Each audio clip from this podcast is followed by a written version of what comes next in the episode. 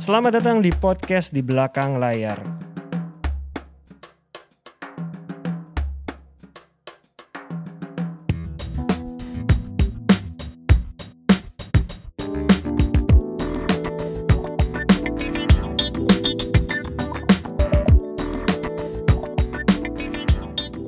Halo teman-teman pendengar podcast di belakang layar. Mas Ulung kita di episode 31 bintang tamunya siapa nih Mas? spesial banget. Jadi Oke. gini, bintang tamu kita tuh spesial banget. Kayaknya baru pertama kali nih kamu gue ya. Kita mengundang kan biasa kita mengundang teman-teman manajer artis Iya. nih. Nah kali ini kita ngundang produser film. Oke. Ya kan? Nah itu menarik nih menurut gue. Dan gini, sosok ini juga sangat menarik karena sebelum dia menjadi produser film itu ternyata dia juga berkecimpung sebagai seorang jurnalis. Kamu gue itu perjalanan in karirnya itu cukup Kayaknya dulu cukup dia menarik, dulu, cukup dulu- kaya nih. Dia kan sekarang kita undang dulu tuh dia Iya. biasa ngundangin orang loh. Iya biasanya makanya seperti itu dan kita berterima kasih nih karena hari ini beliau tuh bersedia untuk hadir. Terima kasih Mas Edwin Nazir yang sudah hadir di Halo. acara podcast kita. Halo Pak Sulung, Pak Dipa. Aduh, aduh. saya Pak saya grogi ya. Nah terima kasih, terima kasih sekali Mas Edwin sudah hadir di acara kita di podcast belakang layar dan kalau untuk teman-teman sekalian sedikit menjelaskan backgroundnya dari Mas Edwin ya. Jadi Mas Edwin ini kalau yang gua kenal nih, di, gua kenal tuh dari sebagai produser film. Oke. Jadi kebetulan waktu itu kita ada berapa kali ya ketemu mau kerjasama gitu kan dan ternyata akhirnya kita semua kerjasama bareng sih gitu loh. Oke. Nah, kemudian juga Mas Edwin ini juga dia sekarang tuh ketua umum Aprofi bener ya? Betul. Aprofi itu adalah Asosiasi Produser Film Indonesia, Iya. ya kan? Kalau gua nggak salah juga, dia juga adalah pendiri dari daripada apa Indonesia Contemporary Art and Design, benar kan? Itu gua setiap tahun diundang sebelum pandemi, gua masih ingat tuh. Dan harus selalu datang kalau Iya pembukaan. kan? Nah harus datang. Mas Dipa di, tahun, tahun ini harus datang. Tahun ini kita ada lagi. Oke. Nah biasanya itu di, di, di Grand Kemang tuh, Dip. Oke. Ya kan? Nah, yang sebenarnya nih Dip, yang menarik dari sosok seorang Edwin itu adalah dia kan sebelum menjadi produser itu kan dia jurnalis. Betul. Ya kan sempat kerja di salah satu stasiun TV. Kita sebut aja RCTI. RCTI membawa berita benar ya. Betul. Nah, betul. Sempat, Nah, sempat. Sempat. Nah, jadi gini, yang perlu kita tanyakan itu adalah kan awalnya jadi jurnalis kan. Hmm. Jadi jurnalis itu kan sebenarnya pekerjaannya juga di di depan layar kan. Iya, iya, Orang melihat. Iya. Kemudian memilih profesi sebagai produser which is itu adalah berada di belakang, Belakang layar, layar. juga. Nah, sejak kapan sih maksudnya itu titik balik itu memutuskan untuk oke kayaknya gue udah cukup nih sebagai jurnalis nih gue pengen menjadi produser, gue pengen memproduce film, gue pengen masuk ke industri film gitu loh. Boleh diceritakan nggak? Boleh, boleh. Kira-kira Mau, ceritanya mau dari seperti awal apa? juga boleh Mau dari awal. Ini 30 Seperti menit sendiri dari awal apa ya? Ceritanya. Yang pasti pertama-tama mau makasih banget diajak ke sini. Ini ketemu dua orang yang sangat luar biasa di industri ini. Ada Mas Dipa dan Mas Sulung. Jadi Sama-sama ada lah. dua orang yang apa pun yang dipegang jadi emas. Kita, kita Alhamdulillah. amin, kita amin aja. Amin, Udah amin. amin aja. Amin.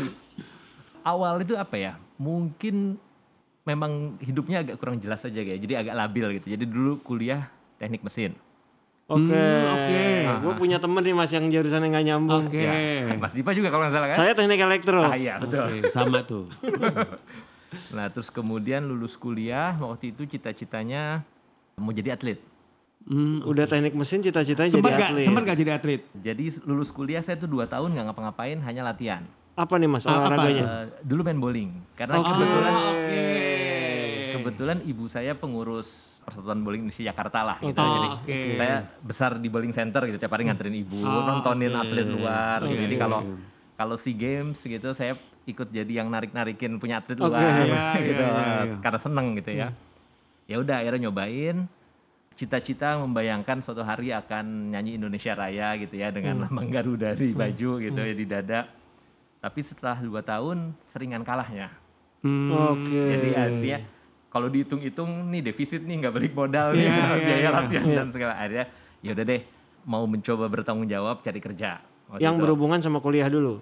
belum kepikiran tapi Hmm. pada saat itu kan tahun 2000-an itu kan pasca reformasi ya. Jadi kebebasan pers. Kalau kita Iya. lihat berita tuh kan ada demo di mana-mana. iya, iya, iya. Sudah gitu di CNN tuh lagi lagi populer banget ada Anderson Cooper, Christian Iya, Amanpour kayaknya wah asik banget nih jadi wartawan nih gitu.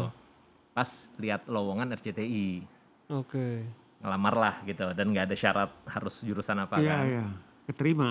keterima waktu itu ada 15 orang kalau nggak salah angkatan saya Itu sebagai apa pertama kali ngelamar? Mas? sebagai reporter ya reporter Oh, magang reporter. judulnya. Oke. Jadi waktu ngelamar sebagai reporter, orang tua tuh nggak sempet nanya, ini kok nggak berhubungan sama kuliah? Nggak, nggak ya? enggak Oke. jadi memang dikasih Kebebasan. Kebebasan, ya. Oke. waktu dua tahun nggak kerja juga nggak ya ditanyain tapi ya udahlah tanggung jawab masing-masing gitu ya Nah, ya udah akhirnya nah saya tuh kebetulan sedang baca koran memang Hmm, iya. jadi pada saat masuk itu kebahagiaannya adalah baca koran itu dianggap kerja kan kalau di jadi Iya, ya kan iya, iya, saya datang ke kantor baca koran dua jam tuh nggak apa-apa itu kerja gitu ya udah akhirnya nyobain terus kemudian nah mungkin nggak tahu nih Mas Dipa sempat ngalamin juga kan kalau kita belajar teknik kan mikirnya suka kaku gitu ya satu Iya, tambah mm, satu iya, dua iya. gitu. jadi begitu masuk dunia ini kok sangat dinamis ya Iya. gitu ya faktornya kan sangat banyak terus temen-temen di eh, wartawan tuh kan pinter-pinter ya isi kepalanya tuh banyak banget Iya. jadi kalau kita lagi di newsroom lagi rapat redaksi itu kayak referensinya banyak banget Iya, ngomongin iya. sejarah ngomongin eh, teori apa sih Hmm. Kok ini saya pelangap pelongok sendirian gitu kan kita taunya ngitung eh, teknik pendingin dulu kan terus zaman kuliah gitu kan ya udah akhirnya tiga bulan saya bikin surat pengunduran diri Udah- udah diketik tuh Udah diketik. diketik. Ah, terus kemudian pas kebetulan mentor saya tuh ada eh, Mbak Yulia namanya dia enak banget deh dia bilang tunggu dulu ah minimal setahun deh dia bilang sayang CV kamu Oh jadi udah sempet ngajuin? udah sempat ngajuin Hmm. Eh, ngajuin ke ke eh, supervisor saya Oh, dulu iya, saya belum ke belum ke apa belum ke atasannya lagi Iya. Dia bilang sayang nanti di CV kamu tiga bulan nggak ada artinya Iya, dia bilang oke. ngapain eh, buang waktu oh yaudah deh tahan-tahan akhirnya bablas sampai 9 tahun nggak keluar keluar Jadi pas tiga bulan itu kalau reporternya cuma nyari berita aja mas? Nyari berita. Belum belum jadi anchor ya waktu itu? belum Eh, karena kalau dulu itu kan dianggapnya harus matang dulu ya jadi kalau Hmm. udah dianggap lumayan nanti dia mulai turun ke lapangan Reporter lapangan. ke lapangan Oke. Nah, terus dia mulai dikasih kesempatan Megang mic megang mic betul di antara di mana-mana lah gitu nah nanti kalau dianggap cukup matang lagi kemudian dia boleh eh, Oke. kalau ah, kalau cocok siaran dia akan siaran Oke. gitu nah dulu tuh saya sempat ketahan setahun nggak boleh siaran mundur-mundur karena zaman itu kan penyiar referensinya BBC jadi Oke. harus sangat berwibawa dan meyakinkan Hmm. nah saya dianggap tidak meyakinkan gitu ya maksudnya artinya eh, Iya, iya, iya. Jadi pas latihan ya? Udah sempet latihan? udah udah sempat udah udah tes make up Oh. udah segala macam kalau sekarang kan anchor tuh justru dianggap harus muda brilian gitu Iya, ya iya, eh, benar. image-nya gitu ya muda dan cerdas kalau dulu lihat penyiar BBC umurnya 60 di atas 60 Iya, semua iya, gitu kan kalau orang muda siaran dianggap gimana kita mau percaya? Gitu. Iya, nah saya itu di masa transisi itu. Nah, akhirnya bisa diterima itu gimana ceritanya tuh? jadi di utak atik sempat cobain pakai kacamata cobain Oh, enggak gitu kan supaya lebih lebih Berwibawa. lebih berwibawa betul. Nah, ya udah akhirnya tapi kebetulan bukan kebetulan memang kebutuhannya kan mereka lagi butuh butuh regenerasi Ah, kan. Nah, ya masuklah udah akhirnya. masuklah gitu. Dulu ngalamin senengnya ngalamin launchingnya studio barunya RCTI setelah berapa? Setelah 20 tahun ya. Dulu kan studio 5 RCTI Kebon Iya, Jeruk itu iya. sangat legendaris Iya, gitu iya, kan. iya. kan bentuknya kayu-kayu Iya. gitu. Setelah 20 tahun akhirnya mereka desain ulang. Oke. waktu itu pas 2000-an awal kalau nggak salah. Jadi milenium lah temanya. Jadi silver semua. Oke. Nah siaran perdananya pas saya yang kepilih tuh jadi senang banget oh boleh juga nih gue nyobain Program apa mas waktu itu inget dong? dulu seputar Indonesia Luar. Berapa tahun tuh jadi anchor di sana? berapa ya dua tiga tahunan deh kalau nggak salah ya Oke sih. Dua tiga tahun cukup loh. Seputar Indonesia loh mas. Iya Siapa yang nggak makanya itu prime time itu kan. Jam Prime 7 tuh. program itu. jam eh, ya 18.30 18.30 Iya. oke. Tapi kita memang rotasi, jadi per tiga bulan nanti pasangannya Iya. diganti, terus nanti ada yang pindah ke pagi, ada yang pindah ke weekend, jadi selalu selalu muter lah. Iya gitu. iya iya. Begitu lo resign dari RCTI, Hmm. terus langsung ke producing film. Nggak nggak langsung. Jadi saya tuh sebenarnya cukup loyal orangnya. Jadi sebenarnya kalau nggak ada apa-apa nggak akan keluar. Nah, Ah, tapi kebetulan ada satu senior saya pindah ke TV lain waktu itu, Hmm. nah, TV luar ya, TV Malaysia. Ya udah diajak ikut. Ya udah Oh sempat kita ke sana. Oh sempat ke sana juga. eh, oh. tapi basis Jakarta. Oh, Jakarta. oke. Tempat ikut ya udah akhirnya di sana dan itu pun sebenarnya juga nggak mau keluar tapi nggak beroperasi lagi kebetulan channelnya Oke. setelah tiga tahun gitu. Jadi akhirnya ya udah tutup lah gitu kan yang di Jakarta. Tahun berapa tuh mas? Itu 2009 ya. Astro. Ah. Astro betul sekali tahu ya. Dulu lah, Astro dulu kan baru jadi Iya. Astro, channelnya banyak gitu. Nah, kita di news channelnya dari nol ya, dari belum ada apa-apa Ah, gitu. Oke. Sampai sampai siaran sampai akhirnya tutup. Nah, Ya. setelah itu berpikir bahwa sok waktu itu. Jadi saya nggak mau ngelamar ke TV lagi nih. Saya nunggu dilamar gitu kan. Nah, sok-sokan lah gitu kan. Ya udah terus nungguin dua bulan nggak ada yang telepon gitu kan. Nah, bulan ketiga nggak ada yang telepon juga gitu. Baru bulan keempat ada yang telepon. Tapi media cetak waktu itu. Jadi mau bikin Oke. majalah baru. Saya pikir ah saya nggak punya keahlian di situ daripada ngulang lagi gitu kan. Ya udah akhirnya lewat Astro tuh enaknya karena di perusahaan luar kali ya. Jadi pada saat dia tutup pesangonnya itu sangat bagus buat seluruh karyawan. Oke. Gitu. Uh, Jadi anak-anak itu pada ada yang liburan dulu dua bulan nggak Iya, ngapa-ngapain gitu deh gitu. Jadi eh, tiga bulan belum dapat kerjaan masih tenang aman. tuh, uh, Hmm. masih bisa senyum lah gitu. Bulan keempat mulai kok bener-bener nggak ada yang telepon gitu sampai akhirnya ada temen yang nawarin tapi agak loncat dikit itu jadi konsultan politik waktu itu Oh, Oke. kan saat itu lagi lumayan hits lah Iya, ya. Iya, 2009 ya berarti ya. Betul. Iya, Nah, iya, iya, iya, iya. Apa pilkada lagi Iya, banyak di sini. iya, iya, terus iya. dulu tuh yang lumayan terkenal kan si speech writer-nya Obama waktu Iya. itu anak muda Iya, gitu. Iya, iya, iya. Wah, asik juga nih gitu. Ya, masuklah gitu. Hmm. Ngurusin ada pilkada di eh, Maluku, di Kalimantan, gitu keliling-keliling. Nah, setelah satu setengah tahunan deh ya, akhirnya berpikir, oh mungkin hati nggak di situ Iya, kayaknya oke, gitu. iya. Nah, karena Iya. karena ini ilmu baru lagi Iya, gitu kan. iya. Nah, ya udah deh enggak ngapain ya gitu. Hmm. Nah, di saat yang bersamaan mulai nyiapin si iCat ini Oke. Oke. Indonesian Contemporary Art Design. Jadi kita bikin platform Ya. eh, apa pameran seni kontemporer dan desain lah gitu. Nah sebelum ke sana kan nyiapin itu ya. Apa yang kepikiran? Ini kan tadi jalurnya nggak ada art-artnya nih. Iya. Nggak ada. eh, nah, kebetulan saya berdua kakak. Kakak itu desainer interior. Jadi memang Oke. kita sering tektokan lah gitu. Nah, jadi sebenarnya idenya ide dia awalnya. Oke. Terus saya yang bagian Eksekusi lah. Nah, ya yang yang ngatur ini ya. Iya, iya, iya. Ya udah akhirnya mulai kenalan sama seniman, sama desainer. Wah, enak juga nih dunianya gitu. Terus jadi gimana caranya masuk ke industri ini gitu. Pikiran, iya, iya. cobain bikin film deh gitu. Ya udah, akhirnya itu 2012 ya film ya. Ya benar, 2013 film pertama Nine Summer Nine Summer betul. Oke. Ya udah akhirnya nyemplung di situ. Seneng dengan dunianya, dengan industrinya, seru. Terpikir pengen ada di sini terus.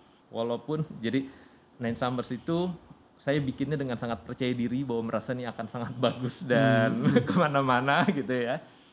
Yang nonton sepi.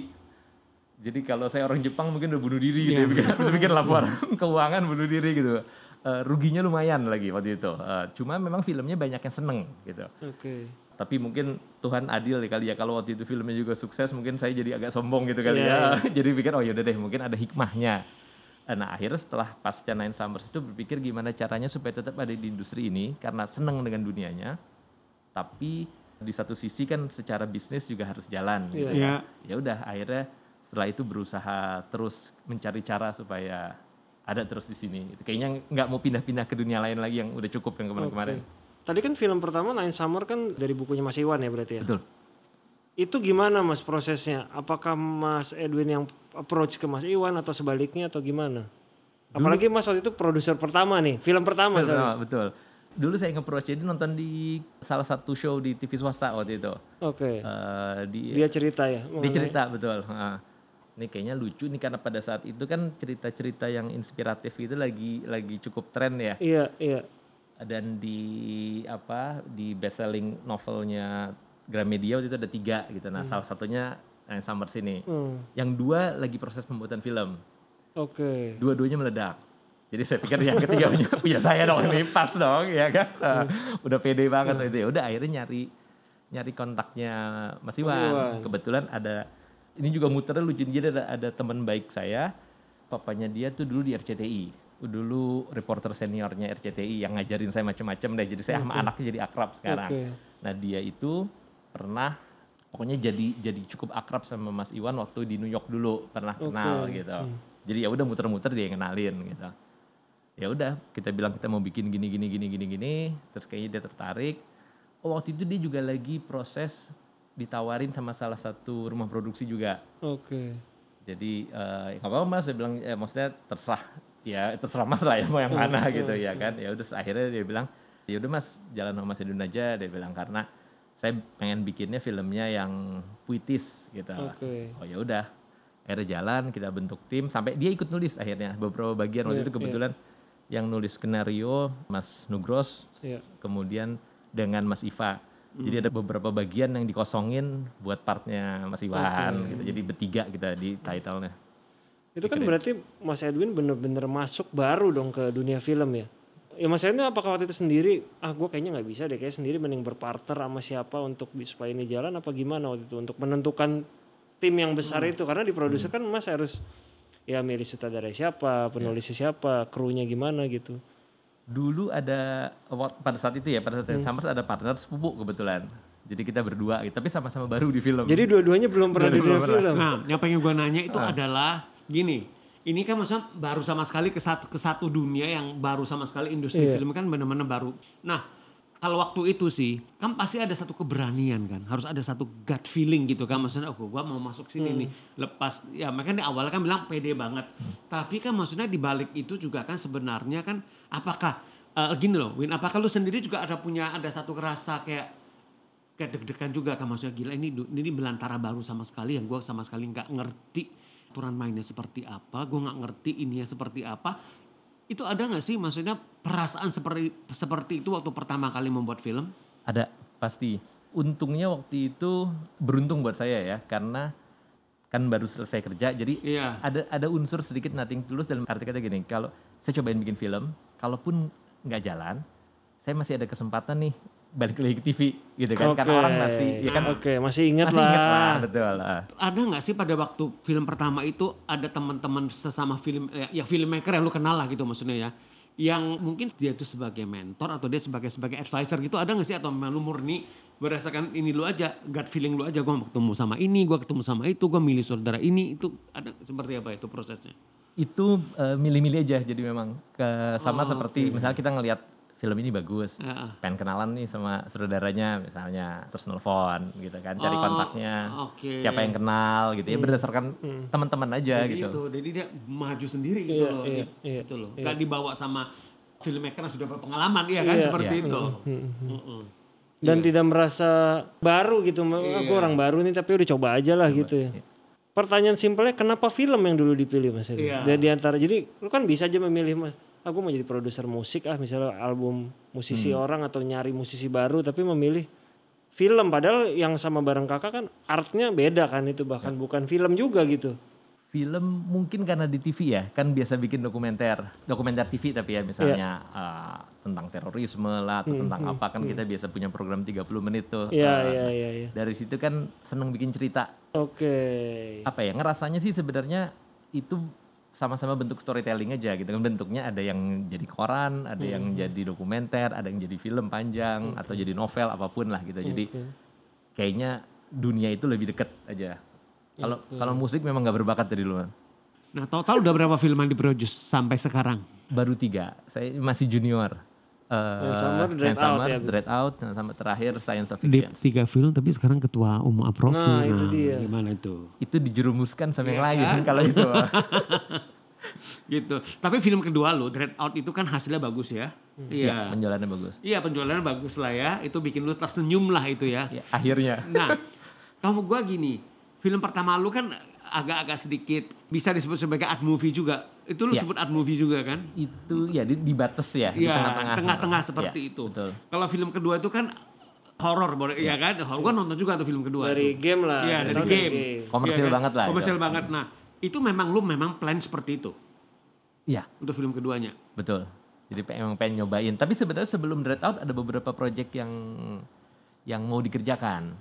Eh, skripnya ada yang udah jadi, Iya. ada yang udah eh, draft hampir final, ada yang baru draft satu gitu. Cuma memang kayak pas kan kadang-kadang suka gitu ya, ya kita butik gitu ya. Jadi kadang-kadang kalau skripnya belum seneng ya udah deh nggak apa-apa mundur mundur enam bulan nggak apa-apa, mundur setahun nggak apa-apa gitu. Jadi ada beberapa judul sampai akhirnya ini kayaknya momennya belum pas, tabung dulu deh. Nah, ini momennya belum pas gitu. Nah, kebut- kemudian muncullah si Dread Out itu sutradaranya waktu itu eh, Kimo yang Nawarin. nawarin nah, artinya dia dia kenal sama yang bikin game terus bro yuk temenin yuk bikin ini yuk gitu ya udah akhirnya jalanlah Dread Out Nah, sangat hasilnya komersial memuaskan. Iya. Hasilnya memuaskan.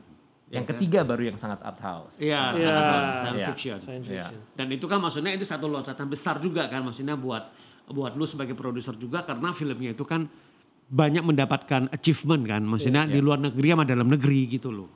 Itu enak lah jalan-jalan ke festival diundang Dan red di film carpet dan ya di kan? film di film The Son of Fiction itu ada dua talent gue juga yang main di sana di gitu loh. pokoknya setiap proyek Iya. harus ada talentnya Mas Sulung Sebenarnya di film pertama yang yang Night Summer, apa Night Summer Ten Items itu, itu Agni main kan? Oh iya, Agni Waktu main. itu gue masih megang Agni. Iya betul Iya, tapi kita belum ketemu. kita belum tuh. ketemu iya iya betul Iya. jadi setiap Gitu. perjalanan proyek saya harus selalu bersama Mas Sulung Mudah-mudahan ya. habis ini harus sama Mas Dipa. Amin. Iya. Tapi kalau lihat dari dua film pertama ya mas, lo kan pertama ngambil dari buku, kedua dari game. Iya. Apakah lo memang suka mengadaptasi dari sebuah hal yang sudah jadi apa bukan ya? Maksudnya udah ada lah. Apa kenapa nggak memilih dari nol di dua proyek perdana itu? Apa yang ada itu dulu itu dulu apa gimana? Eh, mungkin juga tapi eh, kalau yang sudah ada IP-nya kan lebih enak sebenarnya buat jualannya Oke, ya oke. termasuk buat kalau nyari sponsor atau apa Oke, lebih- udah ada jiwa produsernya berarti Nah, itu, memang. Dari sudut pandang produser, ya benar jiwa produser Soal- ada. soalnya nggak punya uang buat bikin film kan jadi harus nyari sponsor Iya, Tapi iya, iya. kepikiran sebagai ini lain gak di film mas? Ya tiba-tiba siapa tahu sebenarnya sebenarnya gue terpendam jadi director gitu mas misalnya. Ada nggak sih? Ada Iya nggak betul. sih? Ada nggak sih? Atau nulis? Nulis, nah tadi kan sempet Iya. senang ini jangan nulis gitu. Eh, nulis mungkin se- sempat kepikiran cuma kalau ngelihat skenario film itu kan eh apa kayaknya nggak gampang buat nulisnya gitu Iya. ya jadi saya pikir ya udah deh saya tetap jadi produser aja gitu kalau nulis pendek-pendek masih oke deh kalau Dia, dia yang milih. Karena Siapa dia nulis dia lebih ini? helikopter view. Iya. Ini ini aja deh, ini ini aja nih. emang pemalas aja gitu biar kerjaannya nggak banyak Film lu yang ketiga, The Science Fiction itu, itu kan itu film benar-benar film art house. Yang lu juga, lu juga dari sudut mata produser lu juga udah tahu lah. Ini bukan film yang komersial, beda dengan film kedua. Ini juga lu nggak terlalu yakin juga secara box office juga akan bisa menghasilkan, ya kan? Pasti seperti itu. Apa yang membuat lu itu yakin memproduce film ini dan berkolaborasi sama Angginun? Pertama kali ketemu Angginun kemudian dia cerita dua kalimat premisnya langsung kebeli Langsung Ah, iyain. ah, ah. Langsung- Dua kalimat itu apa? Dua kalimat. Dia cerita premis filmnya ya. Oke. Eh, ya cerita cerita astronot dari Iya, iya, Bantul iya, itu iya. lah. Iya, Jadi iya. gue, wah ini belum pernah nih denger cerita kayak gini nih. Ini pasti akan menarik banget. Di luar bahwa treatmentnya akan. Iya, nggak? iya. Film ini kalau mau dibuat komedi juga bisa banget. Iya. Iya. komersil, Iya, iya iya, kan. iya. Nah, eh, tapi kalau kemudian mau dibuat sangat kayak drama keluarga juga bisa. Tapi ya Angginun kan treatmentnya ya Iya, seperti iya, ini. iya, kan. Dan latar belakang politik dia kan cukup kuat. Iya. Jadi pesan-pesanan sangat Iya, politis gitu. Jadi kan. meeting pertamanya langsung lu iyain. langsung Lu Itu say yes langsung. iya, di samping kantor kita ambil minum kopi sore-sore jam 4 Yes, langsung banget gitu. langsung yes. Padahal lu udah tahu ya Mas bahwa film ini bakal ini kayaknya kalau ngelihat obrolan dan Angginun mungkin apa di situ lu belum masih Iya. mikir kayaknya bisa nih komersial masih mikir nggak? Enggak sih, udah Udah udah udah udah pasrah. udah udah pak udah Udah pasrah. Cuma memang kalau film seperti ini kan kemungkinan kita dapat grandnya besar. Iya, Iya kan? Jadi memang cara itu yang kita kejar dulu di awal. Win, waktu itu lu udah tahu belum? Pertama kali ketemu sama Angginun itu budgetnya berapa? Belum. Tapi lu iyain dulu. Iyain dulu. Karena artinya skrip itu kan belum jadi final. Ha, Iya, jadi masih bisa diutak-atik sambil Iya, jalan. iya.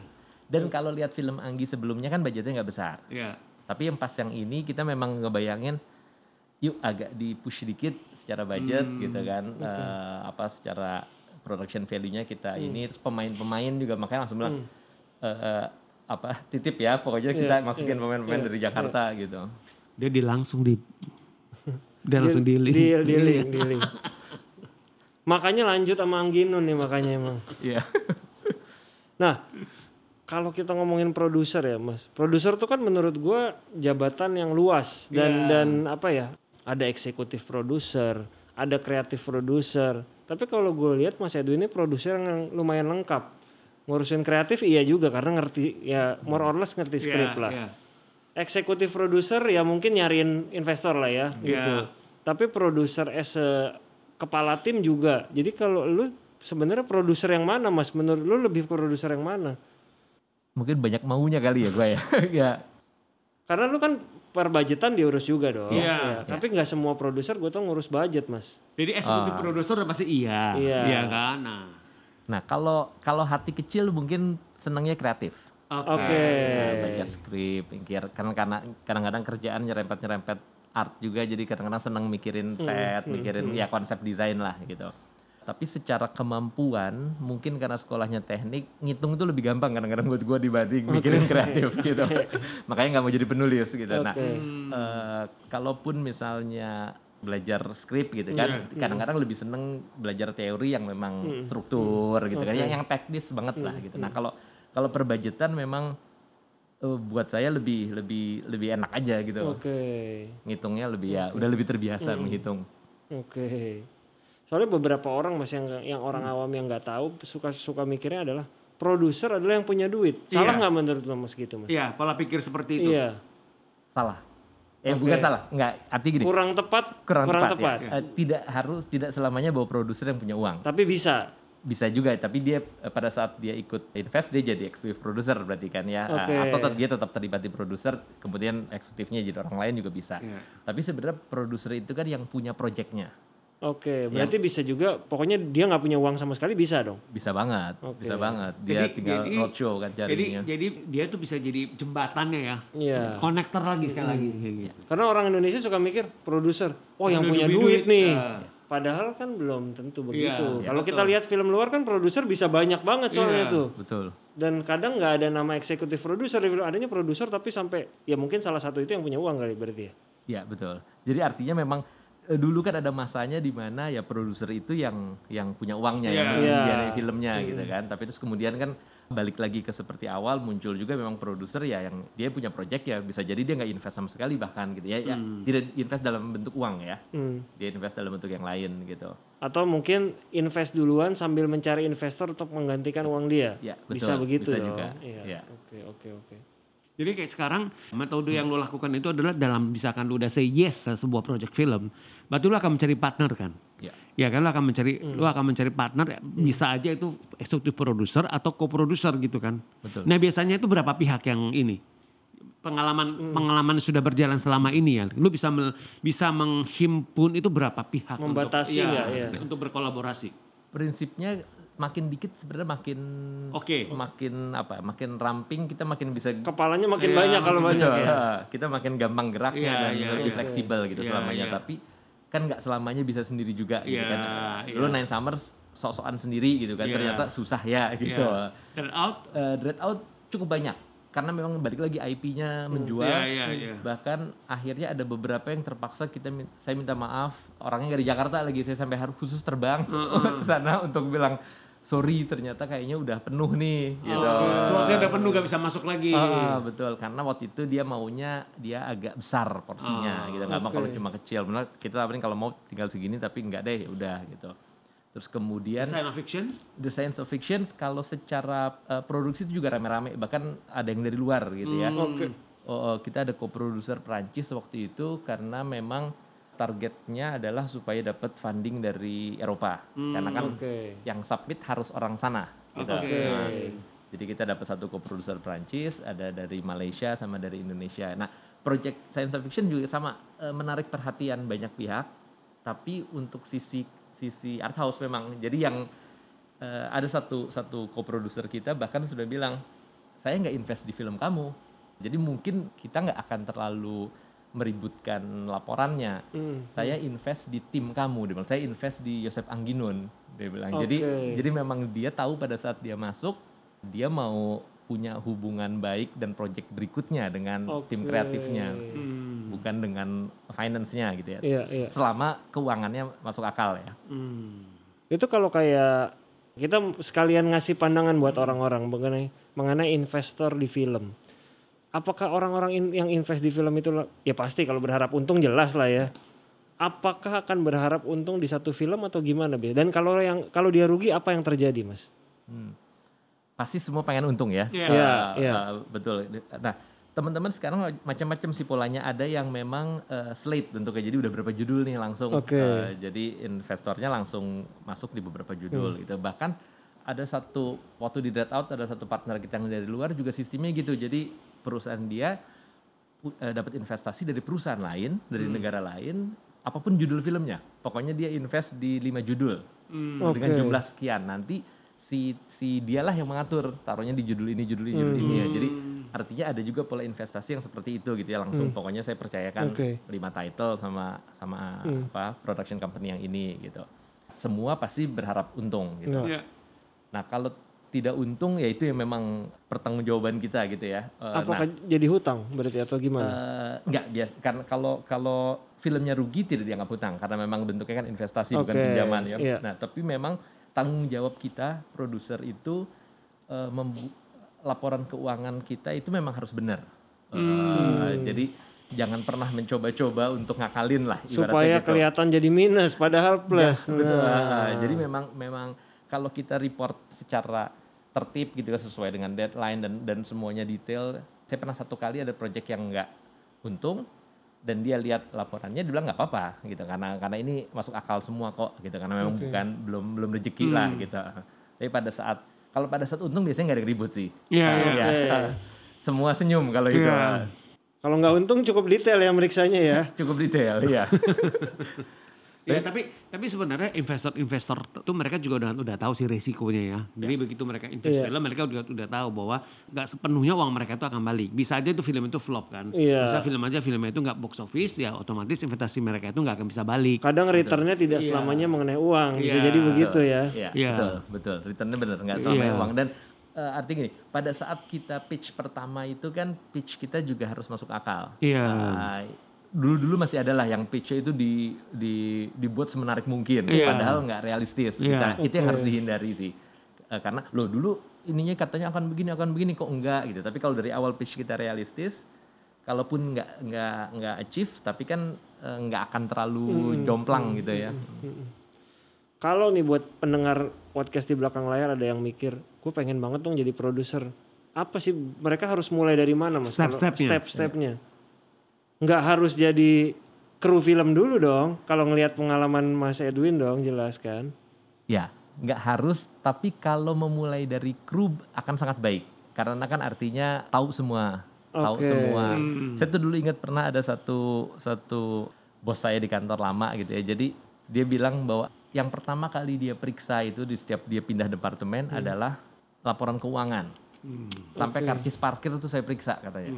Karena dengan saya lihat itu saya tahu flow kerjanya. Oh berarti akan ada misalnya akan ada mobil yang keluar berapa hari, kemudian yang ngapain, terus dari dari ini laporannya ke mana dan seluruh departemen jadi bisa tahu gitu. Jadi dia dia ngomong gitu. Saya waktu itu kan nggak nggak mikir keuangan jadi nggak terlalu mikirin. Tapi sekarang jadi jadi ngeh juga artinya pada saat kalau kita masuk ke industri ini terus memulai dari banyak departemen, kita tahu dong apa departemen art harus seperti apa, Iya. departemen produksi seperti apa dan seterusnya gitu. Jadi kalau punya pengalaman tahu di banyak departemen akan sangat membantu.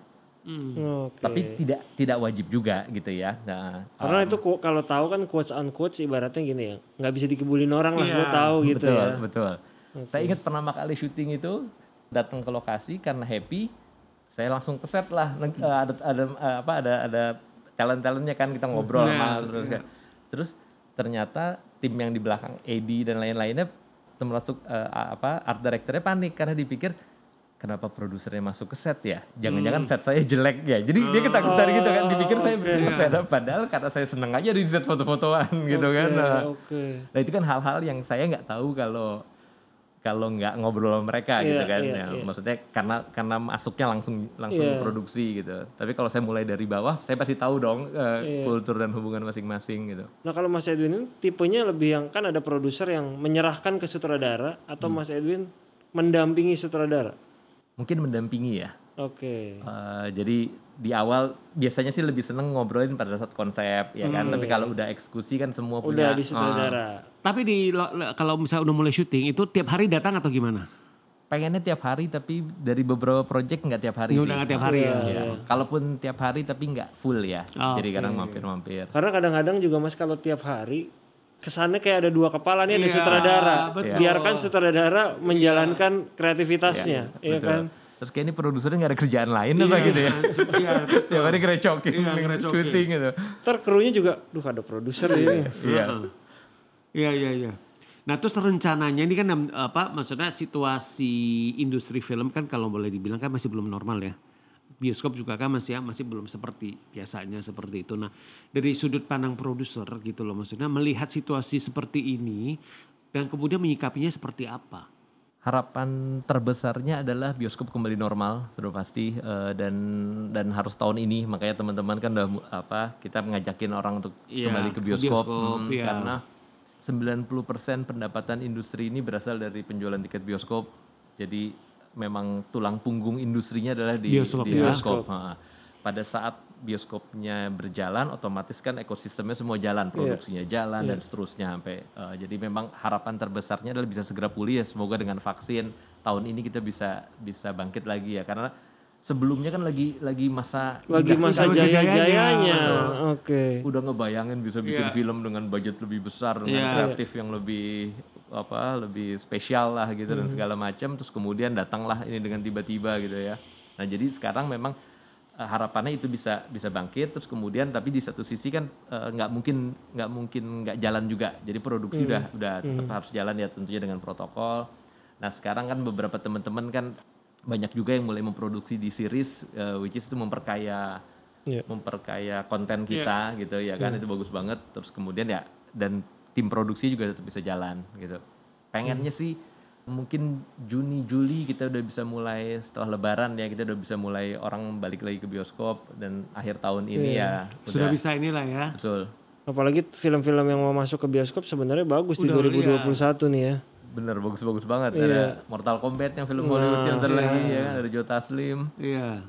Jadi pengaruh kehadiran OTT tetap belum signifikan menggantikan bioskop jelas tidak signifikan. Menambah iya tapi signifikan nggak bisa menggantikan ya Mas ya. Ya, kalau menggantikan mungkin belum. Saya sih selalu bilangnya eh, ini melengkapi, Melengkapi, betul. iya Nah, kan? Jadi mereka tidak bersaing sebenarnya, Iya, tapi iya. eh, ini memang karena dari dulu kan home video juga ada, ya kan Iya, kita iya, iya. sewa laserdisc bang, zaman Iya. dulu banget, bener VHS, ada Iya. DVD dan seterusnya. Dan kita gitu. juga dulu nonton HBO, Cinemax Iya, ya. betul. Nah sekarang ganti ke digital Iya. gitu. Oke. Ya, melengkapi.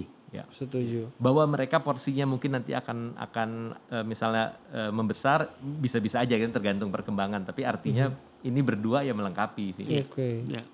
Kalau Mas Edwin plan ke depannya akan apa ada rencana produksi film di tahun ini? Tahun ini ini masih melihat-lihat kondisi. Sebenarnya pengennya akhir tahun kemarin jadwalnya, tapi karena kondisinya masih seperti ini, jadi kita mundurin ke Oke. ke akhir tahun Ini, tahun ini, iya, tahun ini. 2021. Sambil lihat perkembangan ya.